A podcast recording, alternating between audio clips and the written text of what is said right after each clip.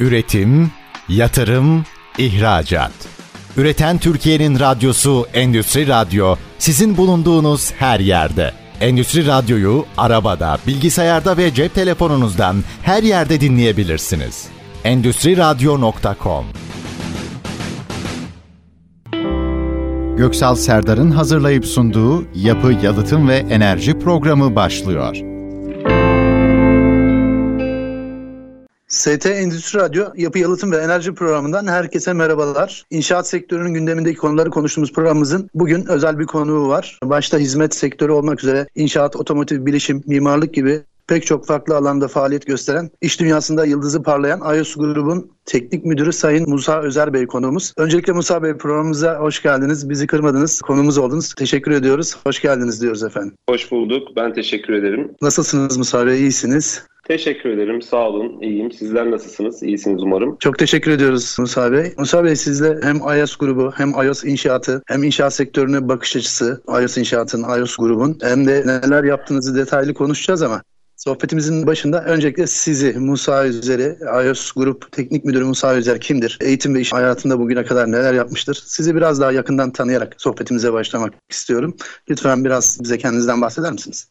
Tabii ki. İsmim Musa Özer. 1983 İstanbul doğumluyum. 17 yıldır inşaat sektöründe özellikle gayrimenkul alanında iri ufaklı projelerde yönetim tarafında bulundum. Yaklaşık 3 yılı geçkin bir süredir de iOS inşaatta görev yapmaktayım. Bugüne kadarki meslek hayatımda neredeyse tamamında gayrimenkul projelerinde görev aldım. Aynı şekilde şu anda da iOS inşaatın bütün inşaat tarafındaki inşaat projelerinin koordinasyonunu, teknik taraftaki koordinasyonunu yürütmekteyim. Kısacası sektördeki yerim bu. Musa Bey biraz da iOS grubu yakından tanımak istiyoruz. Açıkçası ben de televizyon reklamlarınızdan hem bazı sponsorluklarınızdan ben iOS grubu biliyorum. Detayını da sizden dinlemek istiyoruz. iOS grup yıldızı parlayan, iş dünyasında yıldızı parlayan, yükselen bir değer. Acaba dinleyicilerimize biraz anlatabilir misiniz iOS grubu? Hangi sektörlerde faaliyet gösteriyor, neler yapıyor? Tabii ki iOS Grup firması hani isminden anlaşılacağı üzere birçok firmanın birleşiminden oluşan bir grup şirketleri. iOS İnşaat bir iOS Grup iştiraki olarak piyasada.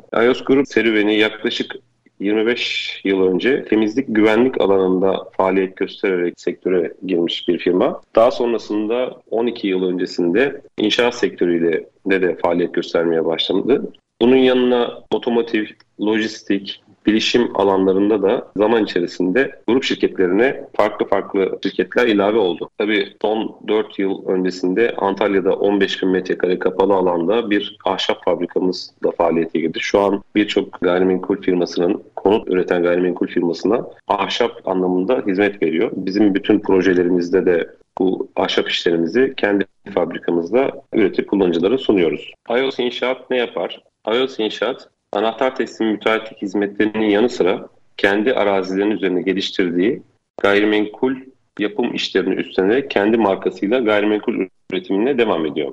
Güne kadar hayata geçirdiği birçok proje var. Bunları saymam gerekirse Nef Nef Hebil, Dokum Evler, BKY Göztepe, F-36 Basın Ekspres hala hazırda devam eden 11 adet projede faaliyetlerine devam ediyor. Musa Bey ben bu noktada şunu sormak istiyorum. Ee, çok önemli projelere imza atıyorsunuz. Tabii ki iOS İnşaat'ın 2022 gündemindeki yeni projeleri de sizden öğrenmek isteriz bu noktada. Gündeminizde hangi projeler var efendim? Biraz bilgi verebilir misiniz? Tabii ki. 2022 yılında arazi geliştirme, iş geliştirme süreçlerini tamamladığımız Konya'da iki tane projemiz var. Bunların bir tanesi 180 daireden oluşan yaklaşık 45 bin metrekare inşaat alanında Konya'nın Meram bölgesinde konut inşaatımız.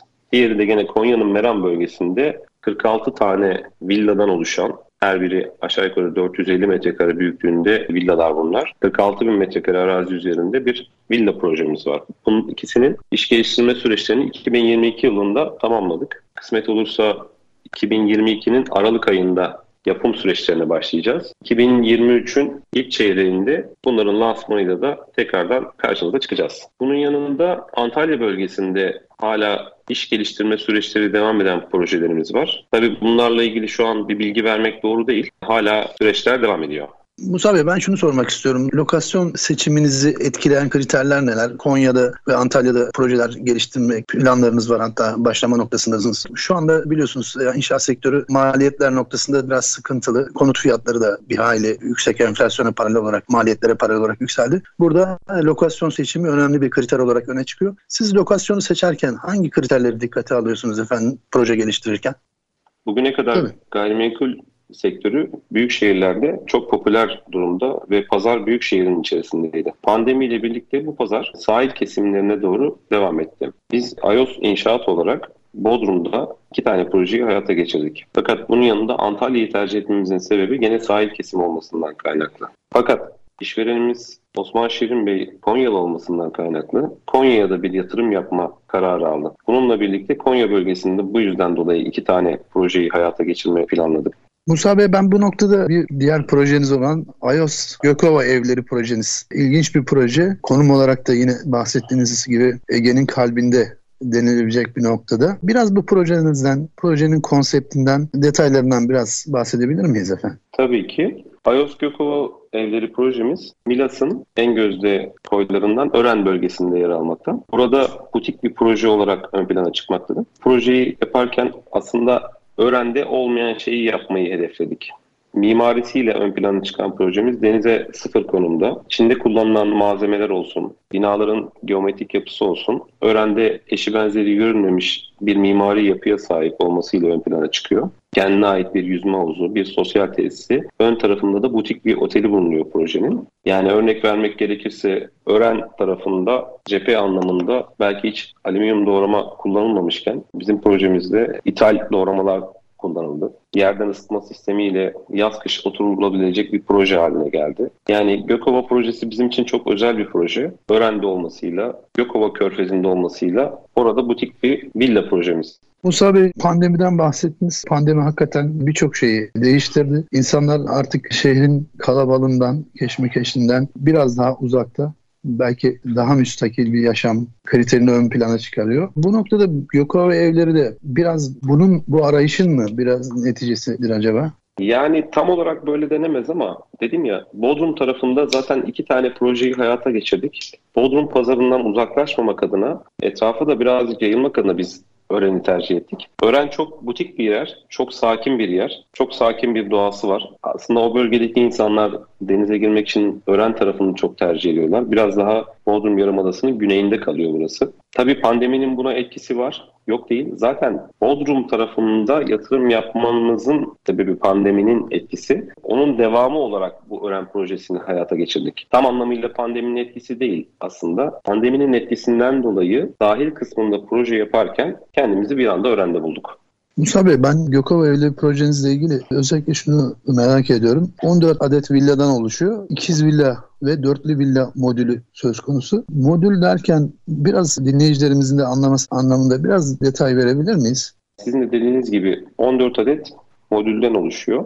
Bunların daha doğrusu 7 modülden oluşuyor diyelim. Bu 7 modülün bir tanesi dörtlü villa, 6 tanesi ikiz villa. Yani buradaki modül aslında bağımsız bölüm desek daha doğru olur belki. Her biri iki katlı dubleks, yaklaşık 100 metrekare brüt alanları olan, farklı farklı bahçe tahsisleri olan modüller bunlar. Buradaki modül kelimesinin anlamı aslında oradaki bir tane villanın tanımı diyebiliriz ya da oradaki bir tane bağımsız bölümün tanımı diyebiliriz. Mimari olarak üst katta iki tane yatak odası, balkonu, bir lavabo, bir WC banyo. Alt katta bir salon, bir mutfak ve bir WC'den oluşan ve bir büyük bir terastan oluşan modüller bunlar. Tamamı yerden ısıtma sistemiyle donatılmış. İklimlendirme olarak yazın klima, kışın yerden ısıtma sistemiyle konfor sağlamakta. Ve her birinin minimumda 150'şer metrekareden başlayan kendine ait tahsisli bahçeleri bulunmakta.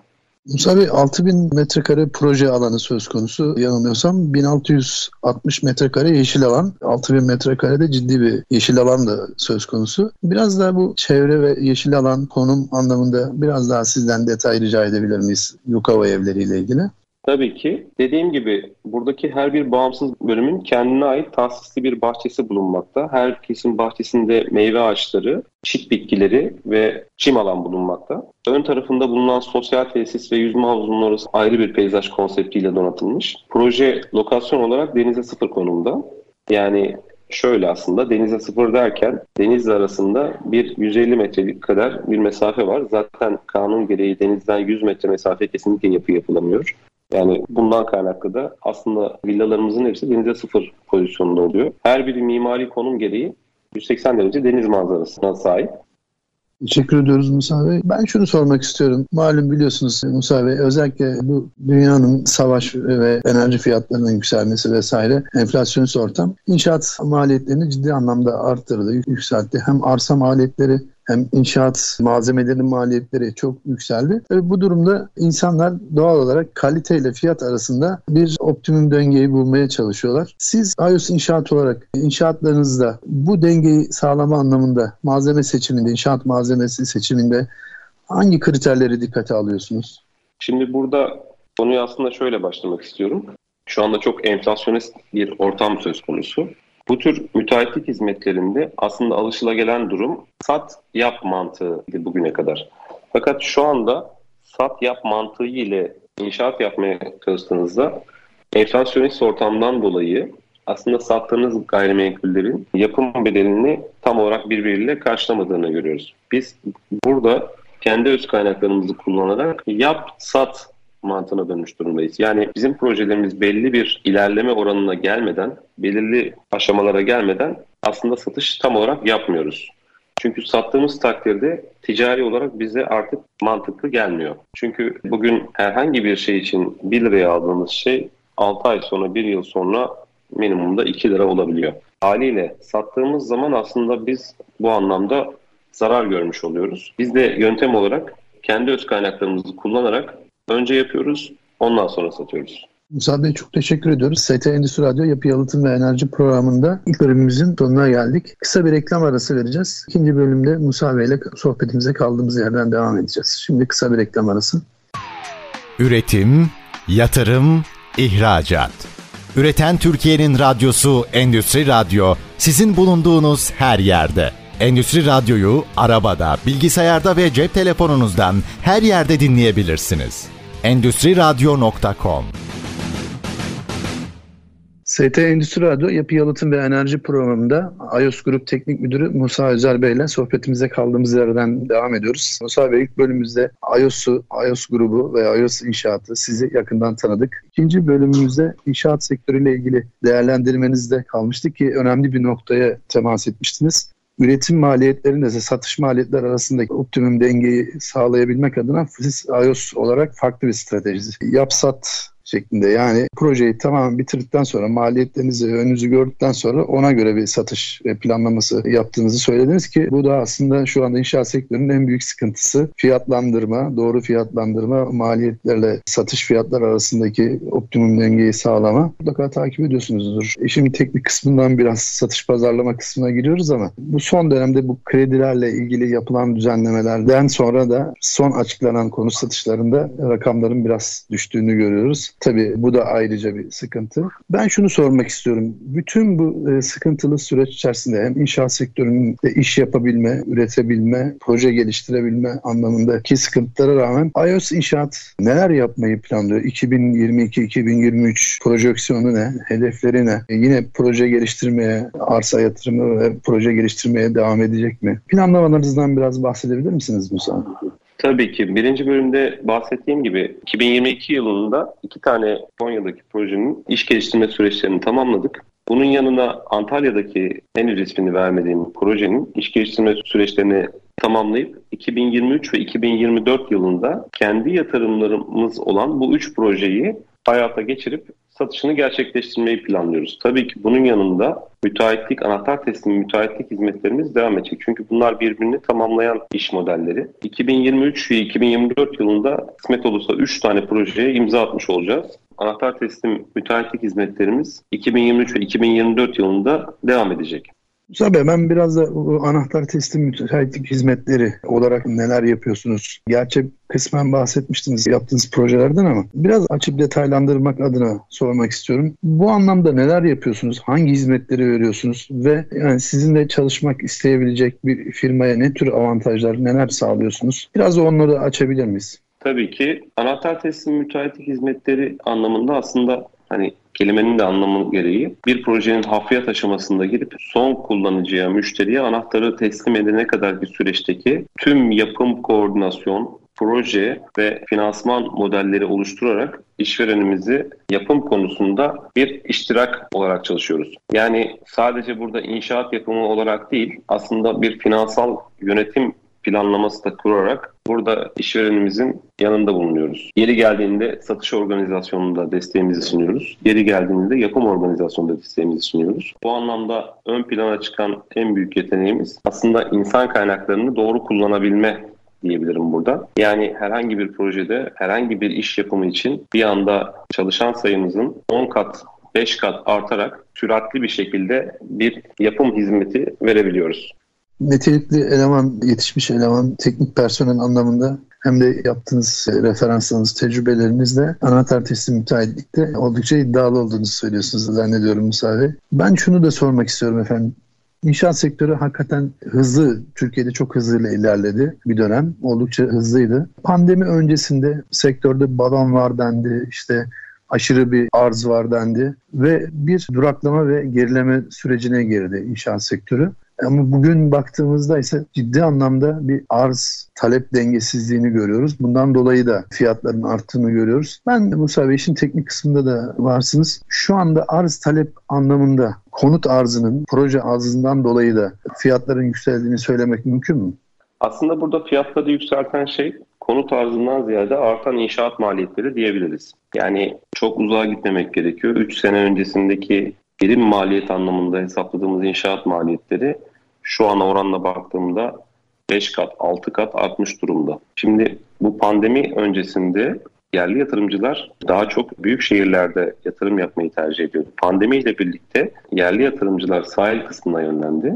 Şehirlerde daha çok yabancıya satış ön plana çıkmaya başladı. Bununla birlikte inşaat firmaları da büyük şehirlerde şehir dışına göre daha az proje yapmaya başladı. Haliyle bir anda üretim hızı 3-4 sene öncesine göre düştü. Üretilen gayrimenkul sayısı bir önceki senelere göre daha az olduğundan kaynaklı yani bir şey ne kadar azsa fiyatı o kadar fazladır ve zaten bunun oluşturan maliyetler de bir o kadar yüksek olduğundan dolayı gerek kira olsun gerek satış bedeli olsun gayrimenkul fiyatlarını tavan yaptırdı.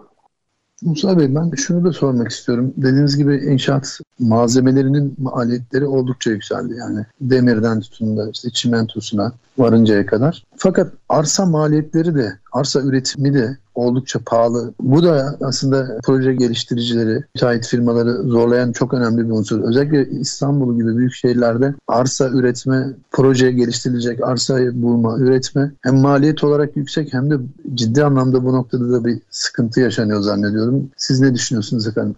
Tabii şimdi şöyle gene aynı noktaya değineceğim. Büyük şehirlerdeki arsa maliyetleri geçtiğimiz yıllarda inşaat maliyetlerine oranla bir hayli yüksekti. Fakat şu an geldiğimiz noktada sadece büyük şehirlerin değil şehir dışındaki arsaları da maliyetleri buna paralel çok yükseldi. Tabii artan inşaat maliyetlerini de bunun yanına koyduğumuzda satış fiyatlarına bunu yansıtmamak kaçınılmaz oldu. Ama şöyle bir kendimce şöyle yorumlayabilirim. Büyük şehirlerdeki arsa maliyeti ve inşaat maliyeti dengesi genel bir oranlamayla %50-50 gibi bir orandayken şu anda bu oran %35-40'a 60 %60 gibi bir orana döndü.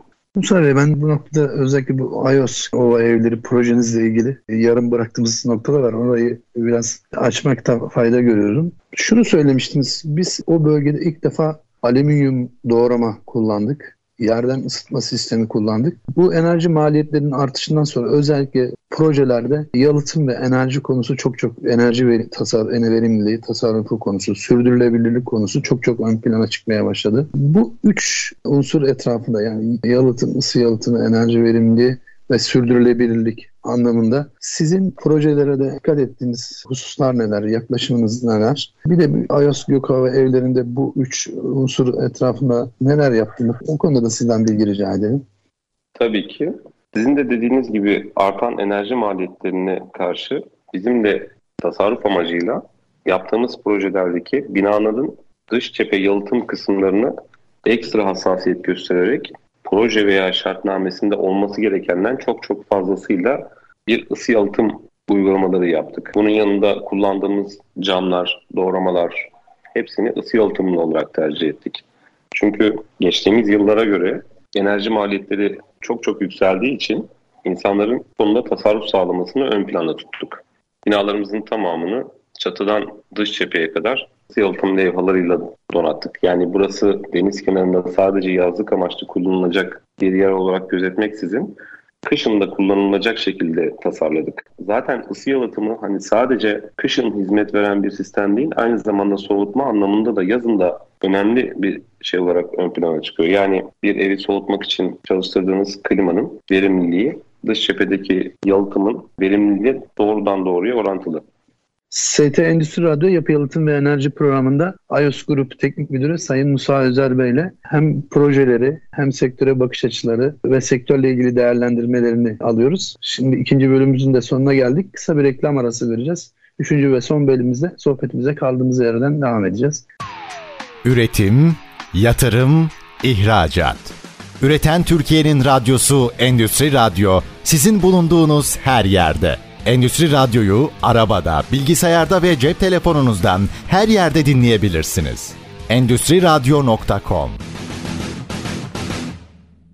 ST Endüstri Radyo Yapı Yalıtım ve Enerji Programı'nda iOS Grup Teknik Müdürü Sayın Musa Özer'le iOS inşaat olarak yaptıkları projeler, sektöre bakış açıları, hedefleri, gündemlerindeki projeleri konuşuyoruz. Bölümde Musa Bey kısmen aktarmıştı bize. Konya'da firma sahibimizin Konyalı olması dolayısıyla da onun da etkisiyle Konya'da projeniz olduğundan bahsetmiştiniz Musa Bey. Dilerseniz e, bu Konya'daki projelerinizin biraz detaylandıralım. Projeler hangi konsepte, neler var? Biraz detaylardan bahsedebilir miyiz? Tabii ki.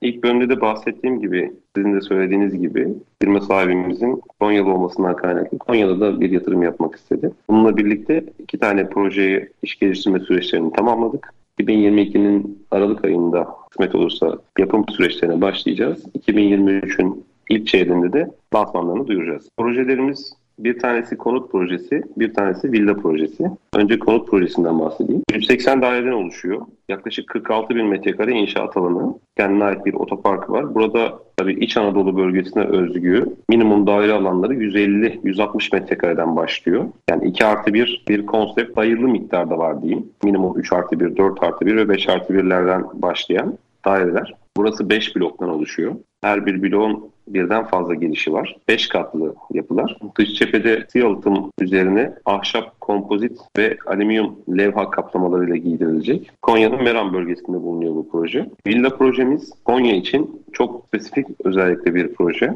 46 bin metrekare arazi üzerinde 46 adet müstakil villalar bunlar. Dış mekan tasarımları bir country havasında olup her biri 450 metrekare brüt alana ve bir kapalı otoparka sahip. Villa deyince kapalı otopark çok standart bir durum değil. Ama burada özel bir proje olmasını istediğimiz için her villanın 4 tane araç park edebileceği kapalı otoparkı olan bir kapalı otopark tasarladık. Villalarımızın tamamı yerden ısıtma sistemiyle donatılıp içlerinde asansör dahi bulunan hizmetli odaları, 3 artı 1, 4 artı 1 odaları ve her birinin münferit hamam, sauna, buhar odaları bulunan yapılar. Dediğim gibi çok özel bir proje. Bunun yanında bu iki projeyle birlikte Yine Konya'ya madem geldik, Konya Spor'u da niçin sponsor olmuyoruz sorusuna cevaben Konya Spor'un basketbol takımının ana sponsoru olduk. iOS Konya Spor isim hakkını aldık bir yıl süreliğine. Konya bizim için şu anda yeni bir heyecan. Şunu sormak istiyorum Musa. Konya inşaat sektörü açısından da sanayide de çok ciddi bir büyüme potansiyeli var. Bu anlamda da Konya tercihinizin bu anlamda da bir etkisi olduğunu düşünüyorum. Yani sadece firma sahibimiz Konyalı evet ama Konya'nın potansiyeli de oldukça yüksek diye düşünüyorum. Bunun da önemli bir etkisi oldu mu proje yatırımlarınızda? Tabii ki oldu. İç Anadolu bölgesine baktığımızda Konya büyük şehirlerimizden bir tanesi. Sanayi anlamında, endüstri anlamında gelişmiş bir şehir. Tabii buraya yatırım yapmadan önce bu kriterlerini de göz önünde bulundurduk. Bunları da harmanlayınca Konya'da iki tane projeyi hayata geçirme kararı alıp bu şekilde yola çıktık. Biraz her iki projenin de hedef kitlesi kimler, kimleri hedefliyoruz? Hem konut projemizde villada tabii üst segment. Bu arada villalar kaç katlı Musa Bey? Yani dubleks mi kaç kat? Onun da detayını alabilir miyiz? Tabii ki konut projemiz biraz daha orta segmente hitap ediyor. Fakat villa projemiz dediğim gibi üst segment bir pazara hitap etmesini bekliyoruz. Villalarımız bir bodrum kat, bir zemin kat ve bir çatı piyesinden oluşan toplamda 3 kattan oluşuyor. Yani 3 kat içinde bir asansör dahi içine teşkil edeceğiz. Yatay geometriye hakim, düşey geometriye hakim değil. Yani 450 metrekare bir alan oluşacak her bir bağımsız bölüm için. Musa Bey ilk bölümde söylemiştiniz biz biraz bitirdikten sonra satma düşünüyoruz planlamamız o şekilde diye. Şu anda size gelen talepleri nasıl değerlendiriyorsunuz? Yani proje tamamen bittikten sonra mı ya da hangi aşamada satışa aktif olarak başlayacaksınız? Bu anlamdaki satış pazarlama politikanızdan da biraz bahsedebilir misiniz? Tabii ki. Sonuçta uzun yıllardır sektörün içinde olduğumuz için belirli bir müşteri portföyümüz var. Şu an bu haberi duyan müşterilerimiz ve ön talepte bulunup kendilerinin de buna talip olduğuna dair bilgiler alıyoruz. Bu ön talepleri topluyoruz. Ama dediğim gibi bu enflasyonist ortamda maliyetleri doğru kestiremediğimiz için sadece talep olarak değerlendirip lansman sonrasında bir miktarını satışa açıyoruz. Tabii ki önceliğimiz burada bize taleple gelen müşterilerimiz oluyor. Sonrasında duruyoruz belli bir aşamaya geldikten sonra gene maliyetlerimizi göz önünde bulundurup tekrar bir satışa açıyoruz. Yani yap sat mantığını aslında bu şekilde kuruluyoruz. Ama hani inşaat ruhsatını aldık hemen satışa çıkalım, satalım, sonra da yaparız mantığıyla ilerlediğimiz zaman zaten ticari olarak bize zarar olarak dönüyor. Çünkü ettiğindeki maliyetlerini kestiremiyoruz.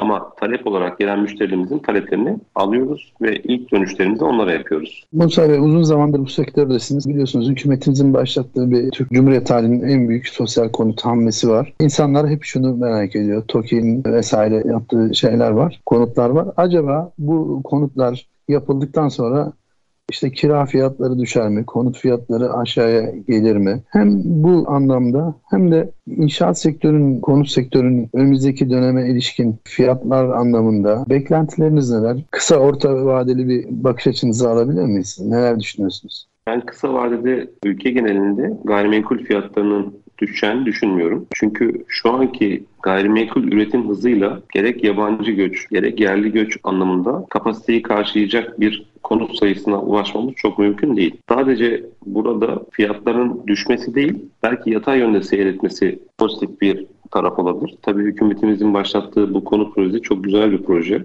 Burada alt segment kişileri ev sahibi yapmayı planlıyor. Ama şu anki göç oranını göz önünde bulundurduğumuzda bu sayılar dahi konut fiyatlarını bir level'da düşüreceğini çok şahsi olarak düşünmüyorum. Zaten şu andaki bu konut fiyatlarını oluşturan fiyat yüksekliğinin en büyük sebebi inşaat maliyetlerinin ve buna paralel arazi maliyetlerinin çok çok artmasından kaynaklı. Yani arz talep dengesi burada aslında ikinci planda kalıyor. Gayrimenkulün fiyatının yüksek olmasının.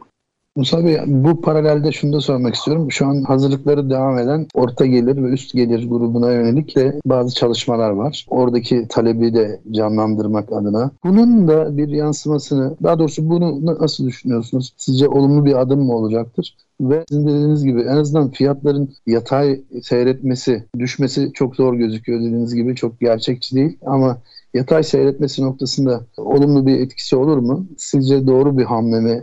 Orta ve üst gelir grubunun talebini canlandıracak adımlar atılması? Yani şöyle bence doğru bir hamle. Çünkü burada baktığımızda orta ve alt gelir segmentte bir ev sahibi olabilmek hani şu anki ülke koşullarında çok zor bir noktaya gitti. Hani hükümetimiz bu noktada bir destek çıktı. Evet bu sorunu çözecektir ama tekrar söylüyorum buradaki fiyatların yüksekliği aslında bir arz talep dengesinden daha çok hani maliyetlerin yüksek olmasından kaynaklı olduğu için sadece ülkemizdeki insanları bir yani bir kısmını diyelim tamamının olmasa da bir kısmını herhalde bu kura ile belirlenecek. Bir kısmını ev sahibi yapması yönünde bir proje. Bu durum ben gayrimenkul fiyatlarını aşağı yönde etkileyeceğini açıkçası şahsen düşünmüyorum. Teşekkür ediyoruz. ST Endüstri Radyo Yapı Yalıtım ve Enerji Programı'nda iOS Grup Teknik Müdürü Sayın Musa Özel Bey ile hem iOS Grubun projeleri, planları, hedefleri üzerine konuştuk. Hem de inşaat ve konut piyasası üzerine Musa Bey'in değerlendirmelerini aldık. Toparlamak gerekirse iOS inşaat yatırımda tam gaz devam ediyor. 2022-2023 yılı planlamaları hazır, yeni projeler hazır. Yeni projelere başlıyor. İnşaat sektöründeki gidişatında tabii ki enflasyonist ortamdan ve maliyetlerden dolayı oldukça sıkıntılı olduğunu görüyoruz. Musa Bey çok teşekkür ediyoruz verdiğiniz bilgiler için, güzel sohbet için. Son sözlerinizi aldıktan sonra programımıza veda edip kapatacağız. Son sözlerinizi rica edelim. Öncelikle ben teşekkür ediyorum bu keyifli sohbete dahil olduğum için.